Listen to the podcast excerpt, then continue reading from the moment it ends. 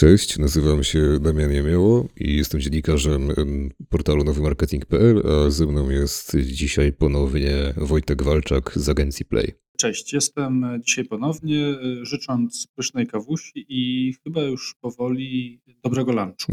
W zależności od tego, kiedy wy to słuchacie, bo my nadajemy w takim y, dosyć newralgicznym y, momencie w agencji Play, bo wiecie, y, u nas się mówi, że tak do 13 walczymy ze snem, a z głodem, a później od 13 walczymy ze snem. Mm, No to ja mam bardzo podobnie u siebie, także doskonale to rozumiem. No, nasz program nazywa się oczywiście Marketing Przegadany i rozmawiamy tutaj o kampaniach marketingowych, kryzysach i nowych technologiach. Więc jeśli Cię interesują takie tematy, to zasubskrybuj nasz kanał, wciśnij dzwoneczek, żeby otrzymać powiadomienia no i zostaw jakiegoś lajka oraz komentarz, bo to nam pomaga w budowaniu zasięgów i docierania do coraz szerszego grona z masą ciekawych tematów. No, a przy okazji też przypominam, że można, możesz nas znaleźć również na Apple Podcast, Spotify oraz Google Podcast i tam również nas zaobserwować. Nie wiem, co miałbym dodać do tego, co powiedziałeś. y, Zapraszam. No, moglibyśmy dodać tę kwestię dotyczącą nieregularności, bo tym razem to akurat mnie rozłożyło, także nabijałem się trochę z ciebie w poprzednim odcinku i, i się, widzisz, odbiło czkawką. No i widzisz, y, karma wraca, więc y, ja się bardzo z tego cieszę. Nie, oczywiście się nie cieszę, bo tej regularności rzeczywiście nie mamy, natomiast myślę, że jak już swoje przechorowaliśmy, to zaraz po święcie niepodległości 11 listopada, który mam nadzieję będziesz obchodził hucznie razem ze mną Mhm. na Moście Poniatowskiego i błoniach Stadionu Narodowego, no spotykamy się już regularnie i zaczynamy rozmawiać y, no, tak jak było planowane, tydzień w tydzień, bo tematów chyba jest całkiem sporo. Mhm. One zresztą w tym takim sezonie jesienno-zimowym y, zawsze, zawsze y, jest wysyp, więc y, jest dużo o tym, żeby pogadać. Nie uda nam się pogadać dzisiaj, bo, bo pewnie się nie uda, być może zahaczymy o to, o mecie o, o, od Facebooka, która trochę jest sucharem, o której już się powiedziało bardzo dużo, już reklamy po, zaczęły, wieć, wiesz, wie- wiecie, powstawać. Moim zdaniem strasznie ciekawe zjawisko. Trzeba na tym zawiesić oko i ucho na dłużej. No bo coś się kroi. Pytanie, co z tego wy, wyjdzie. Wizja wydaje się być odważna. Mhm. Wizja myślę, że nie do nas, już takich wiesz, boomersów, przynajmniej patrzę na, na siebie. Myślę, że do trochę nowego pokolenia. Ja jestem Myślę, tym nowym pokoleniem, także Ty jesteś tym, no, tym nowym pokoleniem zdecydowanie bardziej niż ja, natomiast ja myślę nawet o tym pokoleniu, które jest jeszcze młodsze, Okej. wiesz, które gdzieś tam wchodzi sobie strasznie na, natywnie w ten e, świat, e, który trochę patrzy się na mnie, znowu będzie o moim dziecku przez, e, no to dosłownie przez 30 tam mm, sekund, okej. które patrzy na mnie trochę, wiesz, ze zdziwieniem, e, dlaczego ja mu mówię, że jest taki świat i taki świat. Dla niego jest jeden świat i on jest sumą online'u, offline'u, tych wszystkich e, rzeczy, które dostaje z dobrodziejstwem e, z jednego i z drugiego i z tego sobie wyciąga. Więc myślę, że to też jest takie, takie myślenie, które za tym stoi. Myślę, że mm, no, trzeba obserwować, trzeba patrzeć. Trudno tego zjawiska nie zauważyć i myślę, że ono może kształtować w Mhm. dużej części ten ekosystem komunikacyjny, mediowy, tak naprawdę globalny. No bo ciężko by po, byłoby powiedzieć co innego, jeżeli naprawdę globalna, jedna z największych y, spółek komunikacyjnych nagle dokonuje no, takiego nie, nawet nie rebrandingu, czy a re, rethinkingu, Mhm. jak to się mówi, mm, i powołuje spółkę, która ma być oczywiście czymś, co spaja brandy. No i ma być też takim wytrychem do komunikowania, do pójścia kawałek dalej. Więc y, o tym nie pogadamy. Pogadali inni, a my pogadamy o czymś innym. To prawda, ja sobie mniej więcej liczyłem i o twoim dziecku było jakieś 9-10 sekund, także możesz jeszcze przez 20 sekund pomówić o nim. To, to ja już później. obiecałeś. Ja myślę, że później Okej. jeszcze będzie kilka wątków, żeby o tym, y, o, o tym pogadać. Czyli słusznie sobie to na raty rozdzielimy i jeszcze się pojawi wątek Walczaka juniora. Y, Powiem sucharem, tak jak na raty można zjeść zestaw mat. Okej. No dobra, no to ale przechodząc już tak do tematów, które są znacznie świeższe i o których też warto porozmawiać, no to mm, chcielibyśmy sobie zacząć tutaj od NBP, Narodowego Banku Polskiego, który stworzył nowe konto na Twitterze, biuro prasowe NBP i powiem szczerze, że ich komunikacja woła o pomstę do nieba, nawet powiem jeszcze szczerzej, że przez długi czas tak naprawdę nie wierzyłem, że to jest prawdziwe konto NBP. Myślałem, że to jest po prostu trolling i że Narodowy Bank Polski nic z tym nie robi, bo nie wiem, nie widzi tego albo, albo nie uważa tego za zagrożenie czy coś w tym stylu. I tak nawet sobie wczoraj e, rozmawiałem, właściwie pisałem ze swoimi, że tak się wyrażę, kolegami z pracy na temat tego, że przecież to musi być oczywisty trolling i że ludzie to po prostu łykają a no to, to na pewno nie jest oficjalne konto tak poważnej instytucji. Po czym tego samego dnia znalazłem artykuł na Onecie, w którym było napisane, że jest to jak najbardziej prawdziwy profil Narodowego Banku Polskiego. I jest to potwierdzone przez tak naprawdę szefa Departamentu Komunikacji NBP Piotra Turka, i powiedział on tam dla, w, w, tym artykule Onetu, że szukali sposobu na dopasowanie się do takiego nowego trybu i po prostu sprostaniu wyzwaniom, jakie narzuca ta komunikacja twitterowa, no bo ona jest trochę inna, trochę taka krótsza, niż tam mówią wprost, czasem dosadnie, poważnie, czasem mniej służbowo. No takie ma być to ludzkie oblicze NBP, no nie? Wiesz, no taką właśnie komunikację chcą przyjąć social mediową, natomiast ja mam wrażenie, że tutaj bardzo, bardzo, bardzo coś poszło nie tak.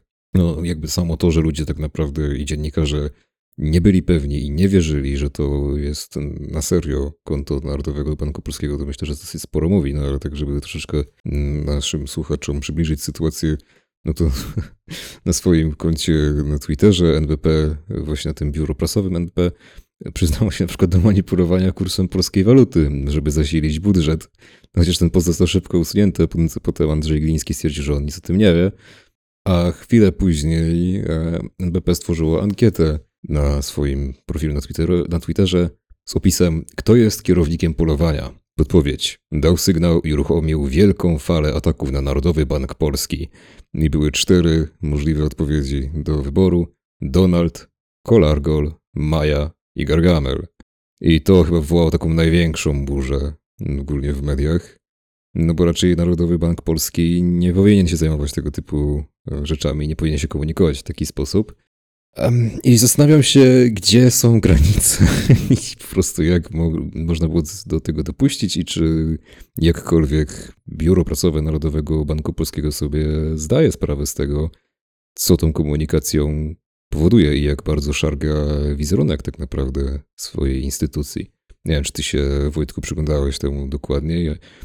Podejrzewam, że bardzo dobrze znasz komunikację innych banków, banków prywatnych, komercyjnych, na przykład M-Banku czy Banku Millennium. M-Bank tworzy, tworzy taką bardziej młodzieżową komunikację i to wychodzi moim zdaniem bardzo fajnie na Facebooku e, chociażby. Natomiast z kolei Bank Millennium no właśnie jest takim poważniejszym bankiem, jeśli chodzi o tę komunikację i, o, i takim bardziej wyważonym. I myślę, że NBP mogłoby spokojnie pójść po lekcję do no, specjalistów, do specjalistów od social mediów, zarówno do e, M-Banku, jak i Banku Millennium, żeby się nauczyć właśnie w jaki sposób prowadzi się komunikację dosyć poważnej instytucji, jakby nie było. Wiesz co, ja, ja, myślę, że tak, dobrze powiedziałeś, do specjalisty tam powinien ktoś się udać po tym wszystkim, co zaszło. Chociaż to dosyć, wiesz, no może przyjęli sobie taką rolę takiej persony, która będzie takim, wiesz, z angielska jesterem, z naszego błaznem. Ja nigdy nie lubię tego przełożenia. Mm -hmm. Takim kpiarzem, nie? Co, co, coś, coś będzie mówiło z dowcipem, trochę zażartuje, tutaj kogoś uszczypnie, tutaj będzie miał jakąś aluzję i to będzie generalnie fajne. Nie? Najprawdopodobniej jest to tak, że tam siedzi jakiś taki, wiesz, starszy koleś, 60-letni, który jest jakimś dyrektorem czegoś, mm. wziął sobie młodego wilka, 20-letniego ninja social mediów, no i oni wspólnie wymyślili taki miks, wiesz, kontentu tematycznego. Raz to będzie kontent poważny, raz to będzie kontent zaczepny, mm. raz to będzie kontent, kontent śmieszny. Wiesz, tak jak się robi często profile generalnie no, marek w mediach mhm. społecznościowych, ustala się takie cykle tematyczne. No i być może przeczytali nawet jakiś taki poradnik gdzieś e, w internecie, no i jadą z tym, nie? Myślę, że pojechali i zobaczyli, że być może takie przyznanie się, że tutaj Bank Polski, Narodowy Bank Polski manipuluje, zaczepia, insynuuje, to może nie jest dobre, bo ja z, z tego i najlepsze, mm. bo jak sobie popatrzyłem na profil, co tam się dzieje oprócz tego, no to oprócz tego jest, wiesz, taka, oni chyba znowuż tego Twittera przyjęli w za dużej dawce, mm. bo mam wrażenie, że to jest konferencja prasowa i każdy tweet to jest te 130 znaków, jeśli dobrze pamiętam, to jest taki wycinek tej konferencji i oni tak robią tyczu, tyczu, tyczu, tyczu, mm. zaleć, zaleć, zaleć, zaleć, nie? To Czyli streszczamy, bo prze, przekładamy, więc wiesz co, ja nie wiem, chociaż wiesz, no w kraju, w którym e, polityk e, zaczepiony przez e, obywatela, a to jest święte prawo obywatela, żeby zaczepić polityka, no bo polityk jest wybrany przez obywateli. Mm. Polityk dostaje pensję od obywateli. No dodatki sobie gdzieś tam ukradnie, nie? czy tam zdefrauduje, zabierze skądś tam, albo ktoś mu przyzna, ale generalnie te legalne źródło dochodu to jest to, to my się składamy na politykę. Nie? Mhm. I taki zaczepiony polityk przez obywatela myślę, że w bardzo spokojny sposób, mimo wszystko, taką nazwałbym to, jak to się mówi politycznie, interpelacją z takim zwykłym pytaniem, Mhm. które odpowiada, no już, już to the point, nie? które odpowiada temu, temu, temuż obywatelowi, a nawet obywatelce, jest pani kretynką, po czym y, zapytany, czy to było na miejscu, mówi tak, to było jak najbardziej, to było tak naprawdę stwierdzenie faktów w bardzo łagodny sposób. A, a do tego, jeżeli dołączają się koledzy partyjni i koleżanki tegoż polityka, mówiąc, nie no, jakby mnie nazwał kretynką, ja bym to przyjęła na klatę i powiedziała, tak pewnie jest. Więc nic złego nie zaszło. Wiesz, w czasach, kiedy te takie są możliwe dyskursy, tak się rozmawia, te, tak, tak ta dyskusja jest prowadzona w mediach, y, szczególnie politycznych, y, a Twitter jest polityczny, nie oszukujmy Mm, się w tak. naszym kraju, Mhm. dziennikarski, polityczny, newsowy, Mhm. no to nic dziwnego, że to też się przekłada na taką dyskusję. To jest przerażające, to jest podłe, to jest brzydkie. Ja strasznie nie, nie lubię dla tego Twittera, bo on y, na całym świecie, a szczególnie w Stanach Zjednoczonych, co przekłada się na Polskę, właśnie taki jest, nie? Rzucimy, zaczepimy, obrzucimy błotem, naplujemy i uciekamy i patrzymy, co się dzieje, nie? Mhm. Tak wrzucamy granaty do tego, do, do, do, do, do szamba. Później być może się z tego wycofamy, ale tweet sobie zostaje, żyje. Zresztą te archiwalne tweety na przykład naszego jaśnie nam prezydenta też są takimi, myślę, że perełkami, które wygrzebywane po latach pokazują, pokazują niezłe zamieszanie, które się dzieje. Natomiast, żeby to nie było o polityce, Mhm. no to rzeczywiście powiedziałeś o komunikacji marketingowej, o marketingu banków, która otóż teraz może nie aż tak, ale ona, ja pamiętam takie złote czasy reklamy w Polsce z mojego punktu widzenia, czyli jeszcze tak lata 2000 plus, kiedy banki generalnie były, wiesz, w tej takiej forpoczcie działań marketingowych, pozycjonowania, Mhm. rzeczywiście jasnego osadzenia się w swoich światach. To, co powiedziałeś, ba- mBank jest, jest tego przykładem. Millennium jest tego przykładem. E, Myślę, że BNP Paribas Mhm. jest ta, takim przykładem. Rzeczywiście bardzo wyrazistych e, marek, które robią swoje w wielu kanałach i robią to bardzo spójnie. I próbują, wiesz, ten taki bardzo nudny, przewidywalny produkt bankowy sprzedać w inny sposób, w fajniejszy sposób, żebyśmy mu e, uwierzyli.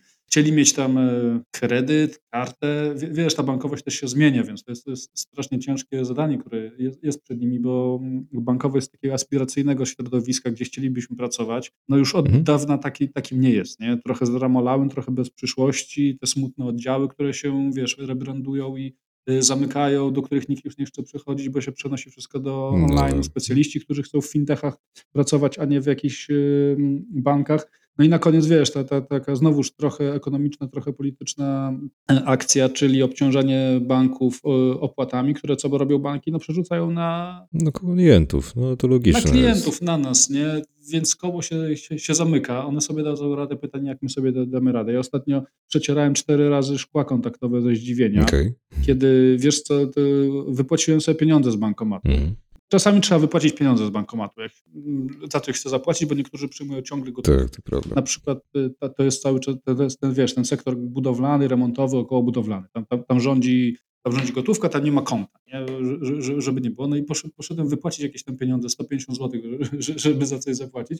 I co patrzę, w aplikacji 5 zł prowizji. Mhm. Coś tu się zmieniło, znalazłem jakiś lewy bankomat, wiesz, rosyjski, nie wiem o, o, o co chodzi, oszukiwany, ktoś mnie zrobił. Nie, doczytałem się, że bank BNP Paribas, pozdrawiam serdecznie, e, od września 2021 roku, ja myślę, to jest znamienna data, wprowadza wypłaty, opłaty za wypłaty z własnych bankomatów. Niesamowita sprawa, nie? To, Mhm. to się działo w latach chyba 90. ostatni raz, więc y, w ten sposób te opłaty są prze, przekładane na, na klientów. Łatwo sobie policzyć, na, na czym nie traci, na czym za- zarabia. No i wiesz, myślę sobie, że to jest też znak czasów, znak czasów, w którym, których warto być Polakiem, wracając do NBP. To jest y, wiadomo, jest dzisiaj przecież, to też jest na Twitterze, też jest y, w mediach, Mhm. W którym wypuszczany jest banknot Tak, z. Lechem Kaczyńskim. Z Dokładnie. Lechem Kaczyńskim. Y, y, To, chociaż tam jest jakaś burza dookoła tego. Tam to powstały nawet bardzo fajne przeróbki tego, tegoż banknotu. Make Life Harder. Polecam. To kolega z agencji Play, Wojtek Portnicki, zrobił taki kolaż, który tam się pojawił, który jest genialny. Myślę, że w punkt oddający. To, to, to, to co można się tam e, dowiedzieć i wyczytać. Ja, ja powiem tak szczerze, już y, na chwilę pewnie e, przymykając się, nie rozumiem o co chodzi z tym warto być Polakiem. Mhm. W sensie tej, tej zbitki. O co chodzi, że warto być Polakiem? Bo rozumiem, że warto urodzić się Polakiem, warto zostać Polakiem.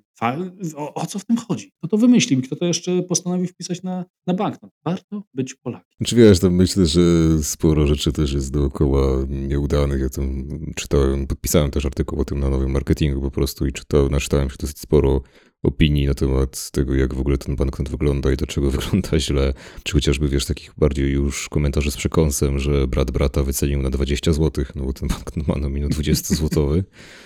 Ale, ale moneta już chyba drożej, bo tam z 900. Wiesz, ja mm. myślę, że to jest, to może być po prostu obraz taki, jaki mamy teraz z tejże Polski, nie? że każdy potrafi zrobić wszystko. Kuzyn, y, ten szwagier jest w stanie y, pobudować y, osiedle, zrobić drogę, mm. zaprojektować banknot i tak dalej, i tak dalej. Więc może to tak to po prostu działa, że wiesz, Trochę nam y, nasza władza nasz do, da, dała nam pieniądze, dowartościowała, mówiąc, że jesteśmy wielcy, więc nie musimy teraz jakoś przesadnie kombinować, y, płacić specjalistom, albo możemy zapłacić swoim ludziom, którzy zrobią to równie dobrze, mm. albo nawet lepiej.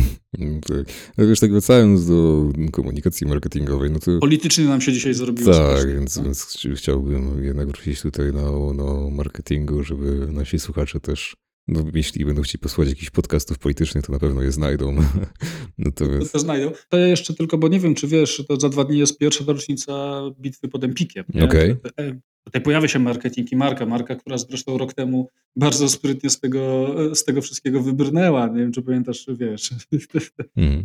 jak zareagowała w social mediach, jak odniosła się z dużym, z dużym dystansem do tego, co się działo. Rzeczywiście do tych obrazków, które były przerażające, które się działy e, na, na rondzie de Gaulle w Warszawie, gdzie były starcia z użyciem już nawet nie wiem czego, chyba kostki brukowej, mm. znaków, znaków i wszystkiego co innego, to, to mogło prowokować ludzi do tego, żeby wysławiać się w sposób niewerbalny, a bardziej manualny. Więc tę, tę rocznicę polecam uczcić, uczcić. Uczcić kolejną bitwą pod Empikiem? Myślę, że coś tam się wydarzy. To, to, okay. to, to na pewno. trudno byłoby przypuszczać, że się nie wydarzy, skoro oficjalnie marsz jest zakazany, nieoficjalnie wiadomo, że, że przejdzie, wiadomo, że będzie kontrmarsz. Mm to trochę tak jak wiesz, no jakby zakładać, że po śmierci Jana Pawła II kibice Krakowi i Wisły Kraków tak się pogodzą, że już na zawsze będą się kochać. Nie? Ile to trwało? To chyba z tydzień, jeśli dobrze pamiętam.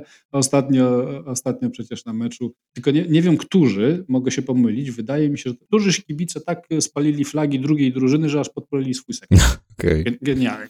No to przyznam się szczerze, że nie słyszałem o tym. Ja ogólnie wiele takich rzeczy umiem.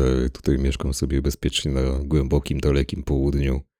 Więc... Widzisz, jak ja wyzdrowiałem, to zobacz, ile mam od razu tych tematów i energii, co chłonę to wszystko, bo tak to leżałem sobie w łóżku, oglądałem Netflixa, mm. bawiłem się tym, tym, wiesz, takim dobrym amerykańskim i europejskim kontentem filmowym, a jak ozdrowiałem, to od razu dużo więcej bodźców do mnie dociera. No właśnie widzę.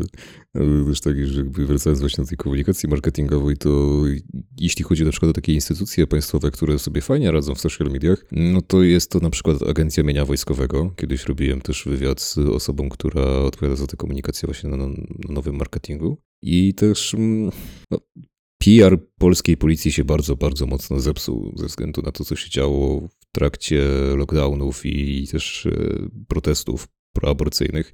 Natomiast no, nie można im mówić tego, że mimo wszystko potrafią w tę komunikację w social mediach i ta komunikacja na Facebooku na przykład im bardzo dobrze wychodzi. Nie no, jest czasem poważna, czasem jest takim z przekąsem, czasem jest śmieszna, ale no jednak nie jest taka, może teraz kogoś obrażę, ale taka wujaszkowa.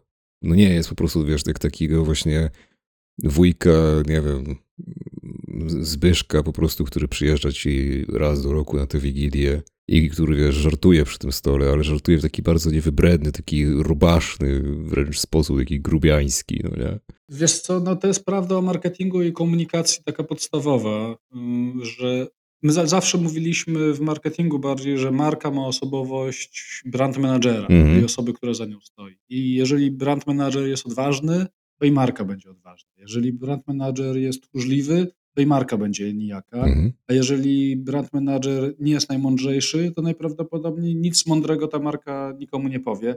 I myślę, że to jest też prawda, która stoi za komunikacją w social mediach, generalnie komunikacją, że jeżeli ktoś, kto zostaje desygnowany do prowadzenia takiej komunikacji i ma jakieś cechy osobowości, to te cechy osobowości na taką komunikację przeleje, mhm. chcąc lub nie. No i myślę, że tutaj dopowiedzieć można sobie od razu po tych kropkach, które postawiłem, y, swoje własne wnioski. Ja myślę, że to jest prawda, że jeżeli ktoś, kto odpowiada za komunikację, jest fachowcem, wie, wie co chce uzyskać, ma jakby, wiesz, też szacunek do tej drugiej strony, wie, jakie są cele postawione, trochę też jest obeznany w tym y, świecie komunikacyjnym, to najprawdopodobniej będzie robić to lepiej niż gorzej, no i na to trzeba nauczyć jeszcze jego osobowość, czyli osobowość moderatora, prowadzącego, wysyłającego te komunikaty, mhm. która też, żeby, żeby była skuteczna, żeby była dobra, musi być w jakikolwiek sposób autentyczna. Wiesz, no przebranie się za, za kogoś, kim się nie jest, zazwyczaj nie kończy się dobrze. Patrz tutaj w y, bajka o czerwonym kapturku, bo tam chyba wilk się przebrał tak, na babci i jak skończył, wszyscy dobrze, dobrze wiemy. pamiętam te, te, te, te z początków social mediów w Polsce Y, takie bardzo niszowe nasze rozmowy o Jurku Drabencie, Jurim Drabencie, no, jednym z profesorów, założycielu, współzałożycielu agencji Lubię to, jeśli nie sądzę, żeby Juri nas słuchał, ale jeśli słucha Piona, Juri, no to y, on, on zawsze mówił, zaczynając pracować właśnie też jako moderator, mm. nie? że to, to, to, to, to, dlaczego marki lgnęły do niego, żeby on to robił, no bo on był sobą. On to, jaki był, przelewał swój charakter, swoją osobowość na prowadzenie tej komunikacji, a że osobowość ma taką, jaką ma, myślę, że idealną do gadania, do, do prowadzenia do relacji, do odpowiadania, takiego podejścia z luzem, z dystansem, wiesz, do nienapinania się, mhm. no to to jest skuteczne, bo to, to, to, my, to my kochamy w social media. Jeżeli marki trochę, wiesz, spuszczają powietrze z balonu, a myślę, że wracając do Narodowego Banku Polskiego, to tam coś, pytanie, czy to jest nasza perspektywa, czy tam coś nie pykło, czy to po prostu tak ma być bo być może też tak ma być, no wiesz, y, może trzeba spuścić teraz na jakiś czas także tamte ogary harty z, z tego, ze smyczy, z, z łańcuchów i wiesz, no, no to polowanie się uda. No być może, znaczy wiesz, najwyraźniej nie jesteśmy w takim razie targetem Narodowego Banku Polskiego, ale to chyba jednak gorzej dla banku niż dla nas, tak myślę, w tym przypadku. No, no właśnie, to jest pytanie, no bo to, to jest trochę tak, że musimy, przynajmniej my y, pracując w marketingu, gdzieś komunikacji, widzieć też tą drugą stronę, mm. która chyba w Polsce teraz jasno jest 50-50 albo coś, coś, coś, takiego, że my strasznie lubimy się zamykać w bańkach i mówimy tak jak to um, ostatnio mówi, śpiewa, nie wiem, też nie chciałbym, szukam dobrego słowa, o, kawałek y, yoga, te, ten typ mes, który mówi, że najbardziej karmi egocentryka, jak mówią no, racja, racja, mm. racja, racja. No tak, no my to, to najbardziej lubimy, jak się ktoś na, z nami zgadza, klepie nas po, po plecach i mówi, no Wojtek, dobrze, mhm. racja, racja, nie? A trochę jak nam ktoś neguje, no to już wychodzimy z tej strefy komfortu, zaczynamy się nie, czuć dobrze.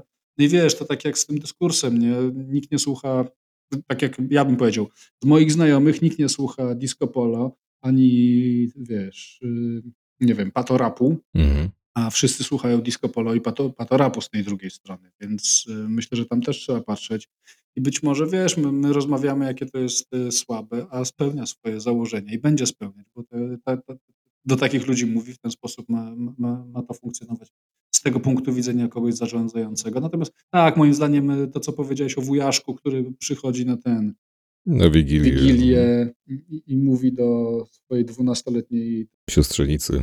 Siostrzenicy, sprośny żart, to jest myślę, że ten poziom, który tutaj No tak, to się zgadzam całkowicie. Znaczy wiesz, no ja domyślam się, że jest tu do pewnego konkretnego grona odbiorców dopasowana komunikacja i ci odbiorcy no pewnie to lubią, tylko że wiesz, to jest bardzo, myślę, mały, tak mi się wydaje przynajmniej, że to znacznie mały wycinek tych, tych odbiorców, nie? I że jednak, no tutaj trochę coś poszło nie tak. Wydaje mi się, że to jest jednak bardzo mocno niezaplanowane, bo wiesz, że to przyznanie się do manipulowania kursu walutą, a później usunięcie tego postu i rżnięcie głupa, że nie, nic takiego nie było, albo ja nic o tym nie wiem, no to troszeczkę świadczy o tym, że to, to jest, wiesz, takie trochę po prostu napisane na kolanie, nie? Że tutaj nie ma no. jakoś do końca przemyślanej strategii, tylko po prostu takie, no zrobiliśmy sobie konto, lecimy, nie? Piszemy na Twitterku posty. Myślę, że tak, wiesz, myślę, że to też może być takie myślenie, że Twitter szybko, szybko, szybko, cokolwiek, nie? a później się pomyśli. No, nie? to prawda. Ale też tak już jesteśmy w kwestii, jakby nie było kryzysów wizerunkowych, to podejrzewam, że się bardzo dobrze przyglądałeś też temu, co się dzieje przy okazji Barbary Kurdej Szatan. No, jakby nie było jednej z twarzy Play, nie agencji, no to tylko sieci komórkowej, operatora um, mobilnego, i to jest temat, który jest mega delikatny, więc też zastanawiam się, w jaki sposób tutaj go ruszyć, czy opatrywać go w ogóle jakimś komentarzem. Natomiast wiesz. E, wiesz co, on jest, on jest mega delikatny ze względu na kontekst, o którym e, mówimy.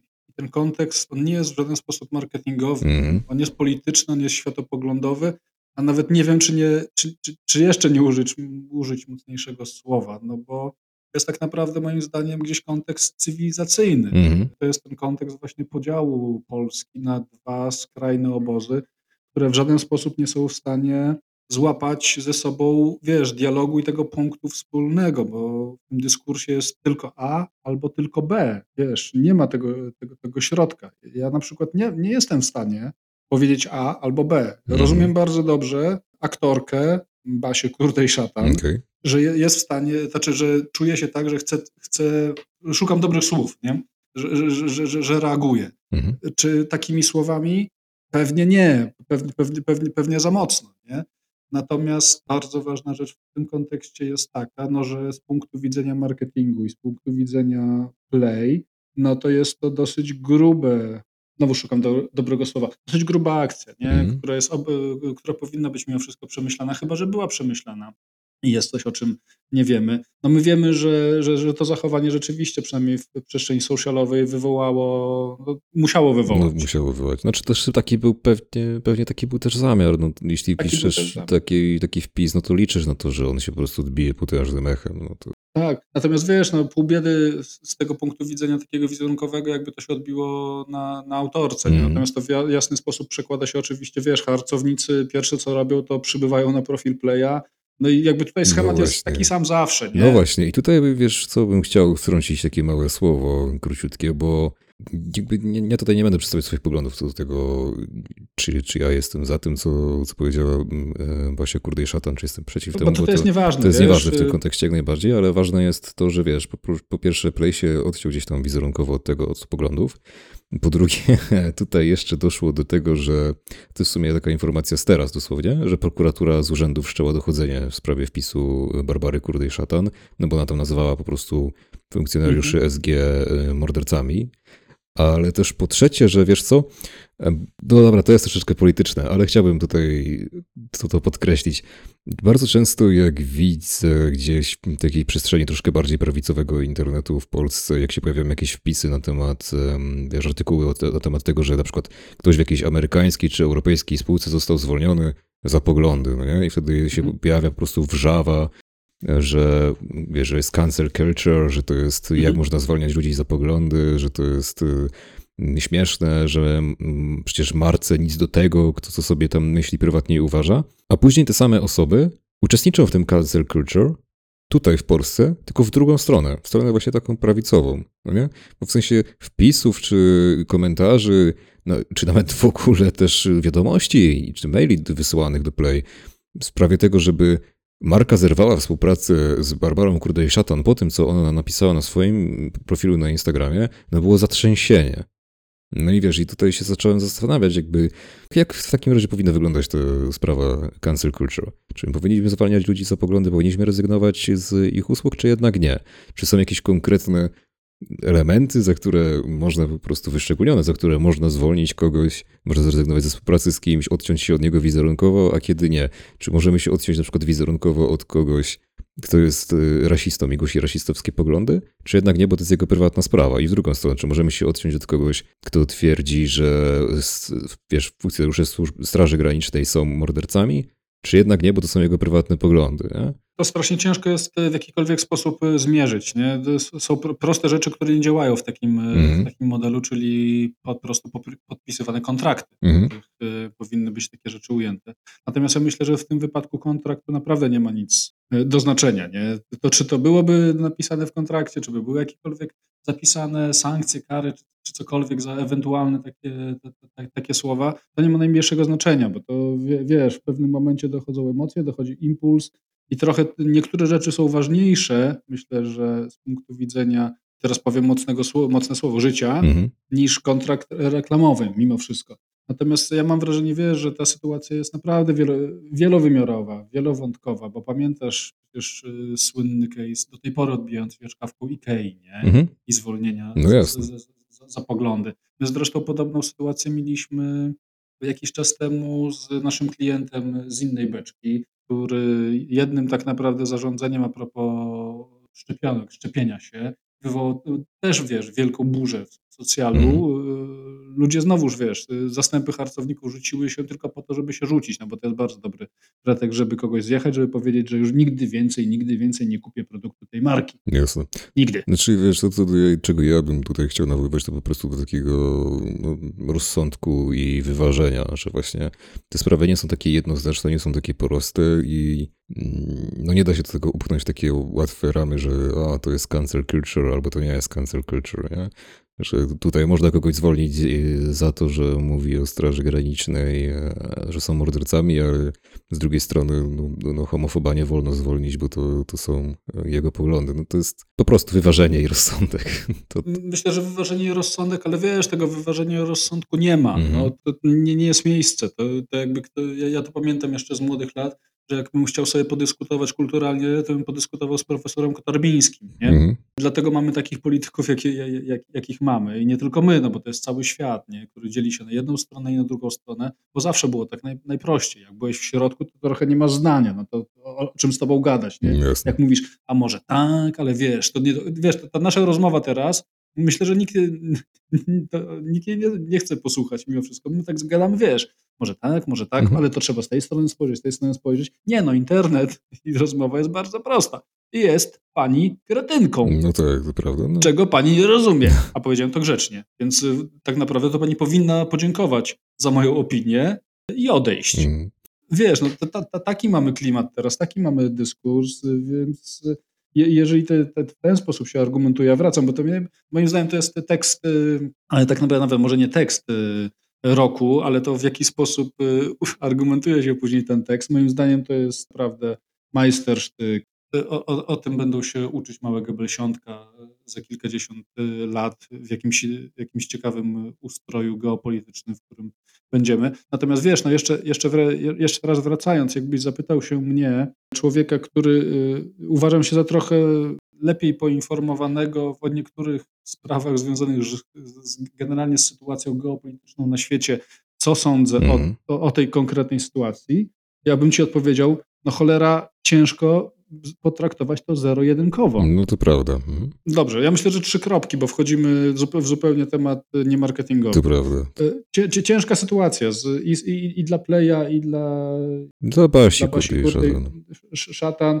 Myślę, że to jest takie typowe, wiesz, no trochę do, do, dolanie paliwa do baku dla tych, którzy tak czy tak by chcieli i to jest po, pożywka, wiesz. Zresztą wiemy, jak, jak to wygląda, jak to wygląda w internecie, że internet tylko czeka na takie tematy, żeby móc się rzucić, y, zacząć, zacząć szarpać i trochę później, wiesz, najpierw świeżego mięsa, później jeszcze- trochę tej padlinki dla siebie przytulić, więc y, myślę, że modelowy przykład, trochę niepomyślenia mimo wszystko, albo, albo pomyślenia z, z ja myślę, że stop. Mhm.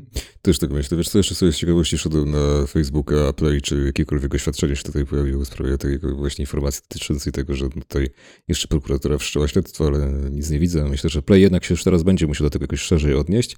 No i tak, no to jest prawda, no to jest bardzo trudna sytuacja wizerunkowa i marketingowa i praktycznie pod każdym względem dla obu tych stron. I jestem ciekaw po prostu, jak z tego wybrną, jak to będzie dalej wyglądać, także pewnie się jeszcze będziemy temu przyglądać, ale tutaj wspomniałeś o tym, że mamy taki klimat, no i troszeczkę o tym klimacie bym też chciał porozmawiać, bo takim już chyba normą się stało u nas, że gdzieś tam przemycamy również te, te kwestie dotyczące zmian klimatycznych, czy ogólnie po prostu środowiska, ekologii. Wczoraj dosłownie sobie dotarłem do takiego artykułu, według którego y, Madagaskar, piąta wyspa co do wielkości na świecie, będzie się borykać z poważnym osuszaniem i już w sumie boryka się z, ze skutkami globalnego ocieplenia i ogólnie katastrofy e, klimatycznej, tak naprawdę, jako w sumie pierwszy kraj na świecie. I to tak poważnie się boryka, dlatego że południowy Madagaskar się bardzo mocno osusza, a co też jest w tym wszystkim no, niezbyt pocieszające, to Malgaszowie, czyli po prostu mieszkańcy Madagaskaru, to w większości są tak naprawdę rolnicy. Bo jak patrzyłem po danych statystycznych y, na Wikipedii i jak to się mniej więcej rozkłada, no to wygląda na to, że jeśli chodzi o rolnictwo, to ono odpowiada za jakieś 70% zatrudnienia w ogóle w całym kraju. No i Madagaskar jest też na przykład największym eksporterem wanilii. No, zmiany klimatyczne uderzają na początku przede wszystkim właśnie w produkcję żywności i rolnictwo. I tutaj się pojawia taki też wątek troszeczkę jednak polityczny, ze względu na to, że ministra środowiska, niestety nie wymówię imienia i nazwiska, nie dlatego, że, że nie chcę, ale po prostu malgaski jest dla mnie kompletnie obcym językiem i nie mam dlatego pojęcia, jak się to nazwisko, jak się to nazwisko wymawia. Oskarża właściwie, że te sytuacje, które dzieją się na Madagaskarze, to tak naprawdę jest skutek działań Europy, Stanów Zjednoczonych i Chin.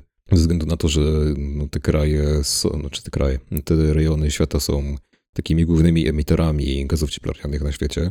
Sobie to też mniej więcej sprawdziłem i wychodzi na to, że właśnie tymi głównymi emiterami gazów cieplarnianych są na pierwszym miejscu Chiny, później jest to, są to Stany Zjednoczone, Indie, Rosja, Japonia, Niemcy, Korea Południowa, Iran i Kanada. To jest pierwsza dziesiątka krajów, które najbardziej się przyczyniają poprzez emitowanie gazów cieplarnianych do właśnie zmian klimatycznych. Chociaż już w przypadku emisji dwutlenku węgla na jednego mieszkańca, no tutaj się sytuacja nieco inaczej klaruje i okazuje się, że są to przede wszystkim takie kraje, bogate kraje arabskie, przykład Katar czy Bahrajn, to też polecam sobie sprawdzić mniej więcej. Natomiast faktycznie gdzieś tam poniekąd się to nasze działanie, ten konsumpcjonizm tutaj w tym rejonie Eurazji czy po prostu Ameryki Północnej, no przekłada na to, w jaki sposób ten klimat się zmienia na świecie i jak on też uderza w takie rejony świata jak Madagaskar, który nie jest jakimś szczególnie wysoki, wysoko w tych staty, danych statystycznych, jeśli chodzi o emisję chociażby gazów cieplarnianych właśnie, czy produkcję zanieczyszczeń, no ale jednak musi liczyć się ze skutkami tego, co nadchodzi. I wygląda na to, że naprawdę nie będzie tam łatwo, bo to jest w zasadzie największa susza od 40 lat na tej wyspie. I Madagaskar stworzył jakby projekt, który mógłby troszeczkę pomóc w tym aspekcie, czyli stworzenie po prostu takiego rurociągu, który by ciągnął wodę od północy do południa i tak dalej. Natomiast to byłby koszt 9 milionów dolarów, a przez to, że Madagaskar jest tak naprawdę jednym z najbiedniejszych krajów na świecie, no to go po prostu na to nie stać. I tutaj też właśnie minister środowiska nawołuje w jakiś sposób do tego, żeby te bogate kraje północy, szeroko pojętej północy, w jakiś sposób wsparły Madagaskar, czy ogólnie te, te kraje południa, ze względu na to, że no, no nie ma tam lekko, jeśli chodzi o to, a chcąc nie chcąc, no to troszeczkę się przyczyniamy poprzez po prostu te produkcję zanieczyszczeń czy emisji gazów cieplarnianych i tak dalej negatywnie na tamten rejon świata. Bo też tutaj warto podkreślić, że do 2025 roku nawet 1,8 miliarda ludzi na świecie może mieć problem z dostępem do wody pitnej. Już teraz o wodzie pitnej się mówi, że to jest błękitne złoto, więc naprawdę ta sytuacja no nie jest jakoś szczególnie zachwycająca. Co prawda istnieją startupy i firmy, które starają się w jakiś sposób załagodzić tę sytuację, rozwiązać ją, tworzą różnego rodzaju na przykład nanotechnologie, które by mogły pomóc w przypadku dostarczania tej wody pitnej poprzez chociażby odsalanie wody oceanicznej czy morskiej, albo przez po prostu pozbywanie się zanieczyszczeń stamtąd, tak żeby ta woda mogła być cały czas w obiegu, praktycznie ta sama. Natomiast no, nie ma lekko na tej, w tym rejonie świata. Jest też takie dosyć potężne właśnie oskarżenie tych, tych bogatszych, tych krajów po prostu pierwszego świata i takie pociągnięcie ich troszeczkę do odpowiedzialności, znaczy wynaływanie do pociągnięcia odpowiedzialności tej naszej części świata. I też zastanawiam się, co ty o tym, Wojtku, myślisz, czy jakikolwiek nasz ten tutaj z północnej półkuli, nazwijmy to biznes, jest w stanie tę sytuację na południu załagodzić w jakiś sposób, jeśli chodzi o walkę właśnie z ociepleniem klimatu i ze zmianami, które tam, tam się dzieją. Ja myślę sobie tak, jest pewien paradoks związany generalnie z tym klimatem, z tym Madagaskarem, z tym wszystkim, o, o czym mówimy. E, bo generalnie wiesz, ten dyskurs, który mówi przede wszystkim o tym, że powinniśmy wreszcie się puknąć w głowę mm. i mhm. zacząć myśleć poważnie o zmianach klimatycznych. To jest taki dyskurs na tej klasy, powiedziałbym to średniej plus, nie? Mm. tej takiej zamożnej, rzeczywiście inteligentnej, patrzącej na świat, podróżującej, rozmawiającej, debatującej, a to tak naprawdę jej będzie najbardziej ciężko z tych przywilejów, toczących jakby, wiesz, zmiany klimatyczne też, zrezygnować, mm. bo jak mówisz mi Madagaskar, to ja mam w głowie Zanzibar. I wiesz, te podróże mm. pandemiczne, wszystko pozamykali, ale na Zanzibar polecieć możemy, nie? Uf. I tam możemy się polansować i możemy, wiesz, e, pokazać innym, udało nam się z tej pieprzonej Polski wylecieć i teraz sobie tam odpoczywamy. To chyba e, w zeszłym tygodniu były te newsy, jak to na tej, tej, tej, tym spotkaniu dotyczącym e, zmian, zmian klimatycznych, y, podano, i właśnie a propos hodowli bydła, podano oczywiście co? No, burgery wołowe, Mhm. tam steki, nie? Mhm. No, czyli wiesz, żyjemy, żyjemy w, w świecie absurdu, to, to trochę, trochę takie zamknięte koło. Zresztą wiesz, tej takiej klasie średniej plus za chwilę najprawdopodobniej to, to paliwo związane z tanim lataniem zostanie odebrane, no bo y, przemysł czy tam branża lotnicza, ona jest w totalnej dupie. Mhm. Przepraszam za, za, za kolokwializm. Wiesz, praktycznie nie ma podróży biznesowych, klasa ekonomiczna tam ledwo co gdzieś tam lata. To, to co my gdzieś tam widzimy wśród naszych znajomych, to jest w ogóle, wiesz, jakiś wycinek, nie? Ca, cała jakby, cała Europa, właśnie cała Ameryka została, też Azja została um, uziemiona, Mhm. literalnie. Samoloty tak czy tak latają, no bo muszą latać, bo nie mogą stać, więc produkują, wiesz, pusty, z pustą taczką sobie latają, ale produkują wszystko to co, to, co produkują. Pytanie, kiedy to w ogóle wróci do jakiegoś e, stopnia sprzed pandemii? Pewnie nie wróci, no bo wiele nawyków e, nie wróci. Natomiast e, wiesz, to jest takie wygodne z naszej strony i myślę, że to jest e, znamienne to, co powiedziałeś, e, że wreszcie jakiś mały kraj zaczyna się o to upominać, nie? Mhm. Taki synonim jakiegoś takiego, powiedziałbym to, raju, Mhm. wakacyjnej destynacji. No tak się wydaje, pewnie nie? że Madagaskar, piękna zielona wyspa, pełna egzotycznych zwierząt, których nie można znaleźć właściwie w żadnym innym miejscu na świecie. To jest taka mała Australia praktycznie, tylko zielona. Tak, dokładnie tak, ale wiesz, no wszystkie takie destynacje, o, o tym się nie mówi, ale one, y, wiesz, no w, Taj- w Tajlandii są, były zamykane przecież wyspy w ogóle dla turystów jeszcze Mhm. w tym okresie przedpandemicznym z jednego prostego powodu, że one się już zatykały, tam w ogóle, wiesz, one przestawały być sobą, były zagniecione, zamiecione z, mm, przez właśnie, wiesz, zgraje turystów, które podróżowały, myślę, że bez najmniejszej refleksji. Myślę, że to, co zostało powiedziane, ja, ja z- zawsze ten, z, z takim moim kumplem Szymonem rozmawialiśmy na temat tych rzeczy wakacyjnych. Ja mówiłem, wiesz, Polacy, Rosjanie, co, co tu się dzieje? To on wtedy mówił mi, tak, poczekaj, ja zobaczę Chińczyków. Okej, oczywiście ja w pewnym momencie zobaczyłem Chińczyków. Nie, oni jeńców nie biorą. Okej. Tysiąc Chińczyków, jebut, jebut, jebut, przemaszerowuje, a następnie tysiąc, tysiąc, tysiąc, y, pewnie milion w, w, w, tydzień przejdzie przez wyspę i oczywiście nie bierze jeńców. Ta, taki jest ten klimat. Więc wiesz, te wyspy były zamykane po to, żeby w ogóle one mogły dojść y, do siebie, e, żeby odetchnąć, wiesz, od aktywności ludzkiej. To samo było z Zanzibarem, który, wiesz, y, pod, zdejmując tą kołderkę bardzo ciepłą z lansowania się i z tej takiej wakacyjnej destynacji, jest totalnie y, miejscem zaśmieconym, totalnie miejscem, które boryka się właśnie ze zmianami klimatycznymi, z ingerencją w ogóle w środowisko naturalne. I myślę, że to jest jakby obraz każdej możliwej takiej miejscówki, wiesz, no, mityczna Australia, przecież pamiętasz Mhm. pewnie zeszły sezon, nie? Mhm. E, p- pożary, które... No było- tak. Znaczy, jeżeli słyszymy p- pożary w Australii, to już, to już nam pewnie, wiesz, i widzieliśmy jakieś te, te, te obrazki z daleka, to już pewnie nam tam gęsia skórka może się pojawić. E, Ja oglądałem to z bliska, nie? w Mhm. sensie wchodząc w, relacje, to co tam się działo, no to jest e, to słowo przerażające, to jest naj, najlepsze, No, wiesz. tylko wiesz, Ile- tutaj też takie słowo wtrącę, że mm, no jednak jeśli chodzi o Australię, to to jest ta bogata część świata, którą no chcąc nie chcąc niestety tak jest, ale się po prostu w jakiś sposób interesujemy. I ten, jeśli chodzi na przykład o zbiórki na rzecz walki z tymi pożarami, no to ich było miliony i to miliony różnych środków zebrano. Wiesz, no po prostu cały świat zaoferował w jakiś sposób wsparcie dla Australii, natomiast dla małej, znaczy no nie takiej małej, ale jednak no biednej wyspy gdzieś tam daleko u wybrzeża Afryki, no to nie słychać za bardzo o takich zbiórkach.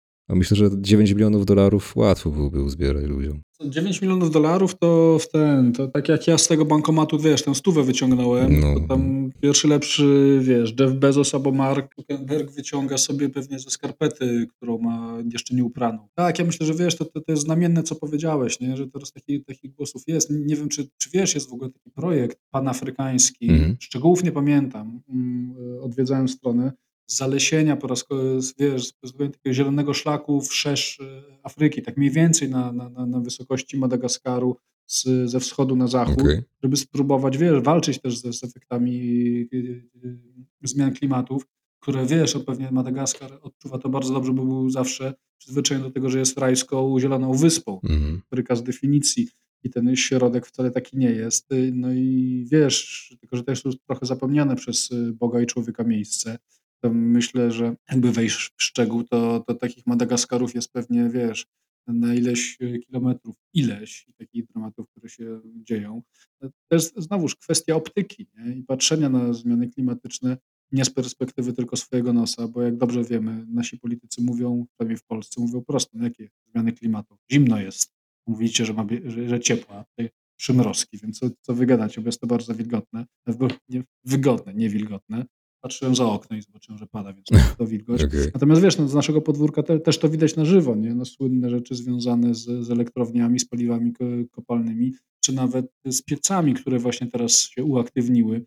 I wiesz, wyjeżdżając w pewne rejony z perspektywy Warszawy, wyjeżdżając za Warszawę do mniejszych miejscowości, tam ciągle nie można otworzyć okna? Mhm. Bo, bo, tak to wszystko dymi, więc y, to zmiany strukturalne, zmiany myślenia. No i też y, myślę, że robiąc klamrę, klamrę dotyka to branżę reklamową, marketingową, no bo to też jest element myślenia o tej całości z perspektywy. Mm, to prawda. Mhm. Więc wiesz co, no myślę, że takie trochę cry for help, nie? Z, z, z, perspektywy i trochę zmiana optyki. Ciekawe, co z tego wyniknie, bo moim zdaniem jest to temat do, wiesz, do komunikacji, do poruszenia być może ludźmi, chociaż znając życie, im się da poruszyć, to się da poruszyć, a całą masą ciężko jest poruszyć, bo mają zupełnie inne problemy, jak na przykład to, czy dadzą radę z Biedronki w sobotę przytachać na plecach 12 plus 12 piw. Tak, chociaż wiesz, tutaj się zaraz zaczną pojawiać głosy, że Wojtek Walczak razem z Damianem Jemioło chcą ludziom do portfeli zaglądać do kieszeni i mniej ich pieniądzmi zarządzać. To jest właśnie tutaj chciałbym też dodać taki króciutki cytat z tej pani minister. Powinniśmy zakazać tanich lotów, gdzie czasami dwie osoby lecą z Paryża do Madrytu lub z Edynburga do Wiednia. To wysoko kosztowne loty dla ludzi w moim kraju. To oni płacą za to cenę. We wrześniu uczestniczyłam w kongresie EUCN w Marsylii i byłam całkowicie zszokowana widząc ludzi spożywających posiłki na zewnątrz restauracji, które ogrzewają gazem. Powinno być nielegalne. Wiesz, i tutaj oczywiście łatwo jest mówić o jakichś pomocach humanitarnych i tak dalej, tylko też trzeba do tego podejść troszeczkę biznesowo, Właśnie, no bo no jednak ja sobie zdaję sprawę z tego, że coś musi to tym chociażby wspomnianym tanim lotom rekompensować, tak? To znaczy nie możemy nagle, wiesz, zniszczyć całej branży lotniczej tak po prostu ze względu na, na, na jakieś obostrzenia klimatyczne, czy ze względu na to, że jakiś kraj trzeciego świata woła o tę pomoc, no nie?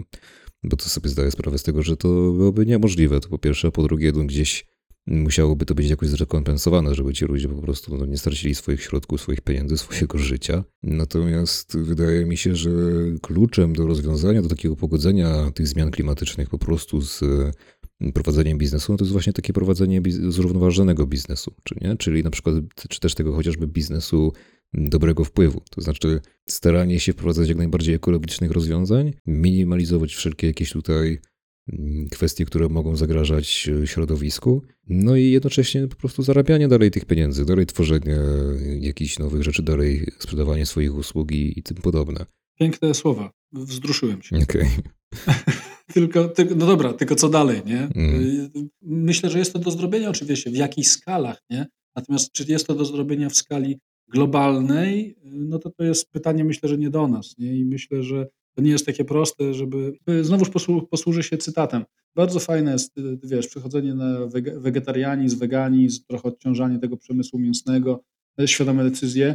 Zapraszam do Austrii czy też do Czech i powiedzenie, dobra, dzisiaj ten, zamiast szwajne sznycel wy wpierdzielacie wegan. E, zapraszam, nie? I, mm. i czekam na feedback, e, jak na to zareagowali rzeczeni mieszkańcy. Zresztą w Polsce podobnie, nie? My mówimy sobie, powinniśmy trochę być bardziej, wiesz, właśnie eko, trochę bardziej odciążyć. Zapraszam na wesele, gdzie dalej podstawowym, podstawowym poczęstunkiem na, na pierwsze jest e, tatar, później na drugie rosół, później wchodzi schabowy, a później jeszcze milot. Wiesz, to myślę, że te zmiany będą postępować stopniowo. Tutaj też jest kwestia tego trochę, że właśnie po stronie marketingu, takich marek, które chcą w jakiś sposób być e, faktycznie zielone, a nie greenwashingować się, żeby to komunikować i podkreślać to ludziom, bo wiesz, wydaje mi się, że właśnie no, niestety, no, to, jest, to jest realistyczne i brutalne. Nikt nie posłucha tej kobiety z Madagaskaru. Po prostu. Bo no, kogo to obchodzi, nie?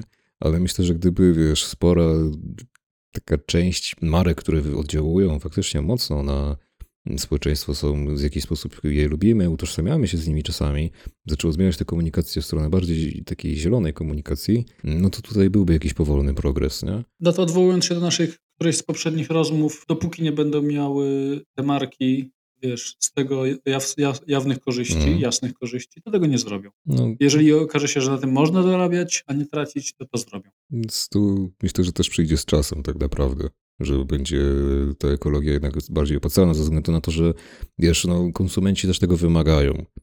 Jest taki raport od Deloitte, e, niedawno się ukazał, no to on pokazuje, że jeśli chodzi na przykład o konsumentów w grupie takiej od pokolenia Z do milenialsów, no to praktycznie jedna czwarta z nich się obawia zmian klimatycznych i, wy, i po prostu wskazuje to jako jedną w zasadzie z największych obaw swoich i jednocześnie rezygnuje z marek, które nie są zielone, na rzecz takich właśnie alternatywnych, ekologicznych y, produktów. Także no jakby ta świadomość wśród konsumentów też rośnie. No i siłą rzeczy, no to jakby wiesz, no marki muszą też w jakiś sposób te, te potrzeby zaspokoić. Pełna zgoda. Znaczy, z, tym w jakikolwiek ciężki, ciężko sposób dyskutować, natomiast pytanie oczywiście o tą, wiesz, granicę czasową, nie? Kiedy to może być robione i kiedy to rzeczywiście może być realny wpływ, no bo też pytanie, zawsze mówimy, to jest pytanie, czy zakładamy, że intencje stojące za, za tym, co robią marki są dobre, czy są złe. No i Mhm. teraz w zależności po której stronie stoimy, możemy powiedzieć tak albo y, nie. Mm, To prawda. I myślę, że tutaj sobie przejdziemy do kolejnego tematu, bo jeszcze nam została trójeczka taka ciekawa na koniec, już dotycząca bardziej technologii. Jest taka firma BrainGate, która stworzyła interfejs mózg-maszyna, który za pomocą sztucznej inteligencji pozwala interpretować sygnały elektryczne w mózgu i dzięki temu pacjenci mogą po prostu spisywać swoje myśli w formie tekstu. Urządzenie to zostało przetestowane obecnie tylko na jednym pacjencie, który jest sparaliżowany od szyi w dół w zasadzie od 2007 roku. I za pośrednictwem wyobrażania sobie spisywania kolejnych liter na, na papier, urządzenie spisywało aż 90 znaków na minutę i to z 94% skutecznością. Kiedy uruchomiono autokorektę, no to ta skuteczność wzrosła do 99%. Na razie to co prawda zostało przetestowane tylko na jednym pacjencie, ale jeśli kolejne testy się powiodą, no to bardzo możliwe, że to tak naprawdę odmieni życie osób sparaliżowanych, bo ułatwi im, a w zasadzie to w ogóle umożliwi im korzystanie z wszelkich urządzeń typu smartfony czy w ogóle komputery komunikowanie się z nami po prostu za, za ich pośrednictwem gdzieś tam w internecie. No, ale, ale wiesz, ja, ja myślę, że to jedna rzecz to jest, bo to zawsze takie testy są, wiesz, w war- w warunkach klinicznych y, na, na, na małej grupie, bardzo małej grupie. No i tylko kwestią już czasu, kiedy one wchodzą do ich coraz szerzej, nie? Z punktu widzenia w ogóle komunikacji, mediów, Mhm. też później marketingu marek, to za chwilę będzie zupełna rewolucja. Y, Ja pamiętam, jak chyba w okolicach 2000, strzelam teraz, nie wiem, 12 roku, Okej. jak było euro w Polsce, przyjmijmy, że to było, było wtedy, dowiedziałem się, że jest już możliwe, a to już nie były prototypy, tylko to już były rzeczy, które były wprowadzane, jest możliwe za pomocą tak naprawdę podłączenia się do Wi-Fi robić operacje chirurgiczne, będąc w innym miejscu niż y, jesteśmy operowani. Dobrze, może, mo- może nie wyrażam się jasno. Jesteśmy w stanie być w sali operacyjnej w Mhm. Warszawie, podłączyć się do Wi-Fi, oczywiście z całą aparaturą i za pomocą bardzo, y, bardzo opartego właśnie na inteligencji sz- sztucznej y, operować daną osobę gdziekolwiek na, świe- na, na świecie, w Australii. I robić to z chirurgiczną precyzją. Mhm. Więc ja myślę, że to wiesz, to, to już wtedy było trochę dla mnie, co tu się dzieje. Natomiast w momencie, kiedy słyszymy, że jesteśmy w stanie obejść trochę, a nawet bardzo, wiesz, tradycyjny sposób komunikowania się, mowę, pisanie, tak jak my to rozumiemy, nie? czyli Mhm. przesyłanie tego w tradycyjny sposób, no to myślę, że to jest y, znowuż, wiesz, taki totalnie wielki przełom, który nas czeka. No bo pomyśl sobie teraz, co sobie, jeżeli on to pewnie usłyszał, usłyszał to przed nami, y, myśli Mark Zuckerberg, nie? Mhm. i jak można to wy, wykorzystać, bo to z jego punktu widzenia najprawdopodobniej takie wiadomości są przepustką, żeby kombinować, jak tutaj tak literalnie, wiesz, na koniec szczepić nam e, swo, swojego Facebooka, Instagrama, Do mózgu, nie? do, do, prosto do mózgu, nie? Tam znaleźć dojście. Pamiętasz tę rozmowę o, o okularach Tak, tak. facebookowych Mhm. Ray-Banowych. To mówiliśmy wtedy, że, że, że to tylko początek, no bo co by było, zajebiście byłoby, jakby już wiesz, są so- soczewki, nie? które są w stanie robić, robić takie rzeczy. To soczewki to jest, wiesz, no to jeszcze duży pikuś, nie? Mhm. Pytanie, czy nie jesteśmy w stanie sobie rzeczywiście wejść do mózgu i w ten sposób e, realizować wizję science fiction, komunikować się bez, e, jakby z pominięciem wszelkich możliwych mediów, które do tej pory nam do tego służyły, tylko one-to-one już wiesz. Wiesz co, jak, najbardziej to jest możliwe de facto, dlatego że istnieje coś takiego jak w ogóle programowanie snów w kontekście reklamowym, no nie? tylko że to jest w, w Europie raczej nielegalne ze względu na to, że to po prostu się rozpatruje w kategorii reklamy podprogowej. Natomiast Xbox kiedyś coś takiego na przykład przeprowadził taki test właśnie na różnych graczach, żeby mm, im wyświetlić znaczy, no, wyświetlać to może jest przesada, ale żeby im po prostu zaprogramować troszeczkę sny w taki sposób, żeby śnili o swoich ulubionych grach, no nie? I nawet są filmiki z tego. Wiesz co, no, ja myślę, że wszystko przed nami. No. Ja, ja myślę, że tak jak pewnie za jakiś czas jest duże prawdopodobieństwo, że może nie my, ale na, na, na, nasi potomkowie obudzą się w takim, wiesz, świecie Mad Maxa albo Duny i że- żeby napić się wody będą musieli ją przedestylować ją ze swojego potu, czy tam wiesz, z czego, z czego innego, albo ją znaleźć na drugim końcu świata kupując za bitcoiny. Mhm. No to być może to będzie wcale tak, że oni nie będą musieli ruszać się po tę wodę, bo będą siedzieli, siedzeni podpięci pod, te, pod internet od Marka Zuckerberga, który będzie miał wtedy 350 lat. Nie wiem, Mhm. czy będzie wtedy prał swoje skarpetki. Może da, dalej nie. Mhm. Będzie bardzo, bardzo bogaty, a my będziemy się ze sobą komunikowali siedząc, wiesz, w jakich tych, y, realizując wizję matrixową, nie? Trochę siedząc podpięci pod jakieś maszyny, bo po co się ruszać? Mhm. a w sumie nie ma się gdzie ruszać i tylko się traci energię. My będziemy, tak jak w tym Matrixie, takim, wiesz, no, paliwem nowym kopalnym dla tych, którzy mają pieniądze i będą z tego czerpać. No, chyba do tego wszystko na koniec to, gdzieś to zmierza. Nie? To jest Zresztą ten dyskurs, który w tym roku się znowuż pojawia, postpandemiczny, jak to po raz kolejny takie wydarzenie spowodowało kolejne rozwarstwienie, nie? czyli my tu o Madagaskarach, Afrykach, zmianach klimatycznych, a na naszych oczach, wiesz, ta mm, grupa trzymająca pieniądze na całym świecie po raz kolejny się umocniła. Mhm. To jest gdzieś, wiesz, to, co- to, to co profesor Harari gdzieś tam, gdzieś tam w tych książkach swoich y, prognozuje, no, że to oni są beneficjentami i będą beneficjentami zmian, to oni będą nas programować, to oni będą nam robić marketing, a my będziemy sprowadzeni trochę, wiesz, do takiego jak człowiek kiedyś okiełznał naturę, później przyrodę, y, zwierzęta sobie podporządkował, no to tak ta- stał się rasą panującą, no to nam kwitnie rasa panująca, która będzie nad nami, która sprowadzi nas najprawdopodobniej, bo już w wielu aspektach sprowadziła po prostu do takiego prostej pracy. Mhm. Być może my kiedyś tam będziemy właśnie w służbie Zuckerbergów, Bezosów, e, takimi sobie żyjątkami, które będą pracować na ich bogactwo. Nie wykluczam tego. To pewnie nie ja, bo ja, ja już y, ten, wiesz, powoli chcę kończyć karierę Mhm. zawodową, przynajmniej tak przy perspektywie ze 30 lat. To myślę, że to jeszcze chwila wyleci. Ze mnie może dużo nie być, ale z, wiesz, z przyszłych pokoleń jeszcze coś tam może być. Tym Mhm. bardziej, że ja, ja, wiesz, ja jak wchodziłem na rynek pracy, jeśli dobrze pamiętam, to nas było na świecie około 5 milia- miliardów. Teraz jest nas prawie 8 miliardów. Mhm. To prawda. No to na Boga, gdzie to pomieścić to wszystko? To prawda. No i pewnie będą nam się wyświetlać reklamy z Xboxa w głowie. Wiesz co, tylko jedno w głowie mam, nie? No tak, to prawda.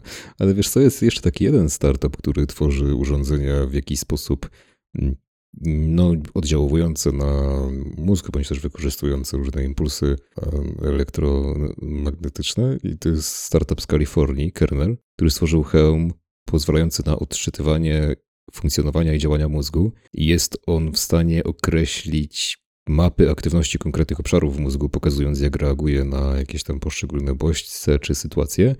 I dzieje się to na, za pomocą mierzenia poziomu saturacji w krwi i badania przewodzenia impulsów właśnie neuronowych, wykorzystując e, pole magnetyczne mózgu. Istniało już w zasadzie takie podobne urządzenie do, do tego, mm, które pozwala na takie dokładne badania mózgu, ale ono było wielkości małego pokoju. Nie? A teraz to jest w zasadzie kilku, kilku kilogramowy hełm i CEO Kernela, mm, czyli Brian Johnson, chce rozpowszechnić tę technologię na taką skalę, by ten hełm kosztował w zasadzie tyle co smartfon i żeby można go było jeszcze dodatkowo podłączyć przez USB do komputera. Mhm. I to pozwoliłoby na takie bardzo dogłębne badanie mózgu i w ogóle zrozumienie go i też taki no, na łatwy właśnie dostęp do badań neurologicznych. I to urządzenie obecnie kosztuje 50 tysięcy dolarów, więc no jest trochę drogie, ale widziałem to i faktycznie jest taką dosyć przyszłościową technologią. To wygląda jak takie okulary do Google VR, tylko po prostu w formie hełmu, który się zakłada na, na głowę. No? Że ciekawe też. Coraz więcej mówię, y, że pamiętam. Ale to dobry znak, bo to znaczy, że jeszcze pamiętam, to znaczy, y, y, że trzymam. Wiesz, no pierwsze te komórki Centertela, nie? Mhm. Takie wielkie cegły na stoku w Zakopanem. Pamiętam panią, która zjeżdżała z taką na, na, na nartach, ledwo zjeżdżała, ale rozmawiała przez komórkę i to był luksus, nie? To był w ogóle szpan total, takie coś kosztowało właśnie ileś tam chyba tysięcy wtedy. Okej. I tak wszyscy wtedy myśleliśmy sobie, "Kurwa, czy my kiedyś też tak będziemy mogli? Nie, wiesz, minęło ile to, 20-30 lat pewnie od, tego, no pewnie 30 lat od, od tego momentu.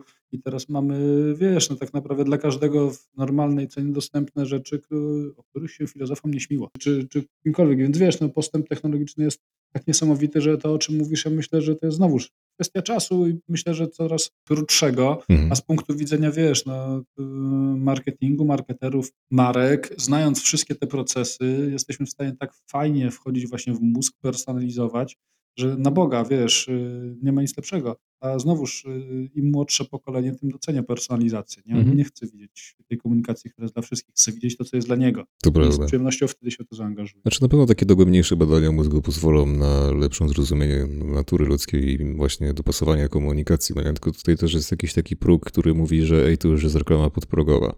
I po prostu, wiesz, tego progu nie, no, nie możemy przekraczać, nie wolno nam i, i koniec, jakby tyle. Wiesz co, to ja bym chciał, myślę, że podsumowując, żeby jak będzie teraz ten marsz 11, to żeby ci maszerujący, y, to oni takie hełmy mieli. I wtedy jakbyśmy zbadali te ich, te ich mózgi, to myślę, że moglibyśmy dojść do ciekawych wniosków. A powiem ci szczerze, że CEO tego startupu, czyli Brian Johnson, zaproponował kiedyś, e, żeby Joe Biden zainteresował się jego produktem i przeprowadził największe badanie mózgów w historii ludzkości, po prostu do, dostarczając to każdemu e, swojemu wyborcy. Także to nie jest wizja taka daleka od wizji CEO. Także myślę, że moglibyście się dogadać.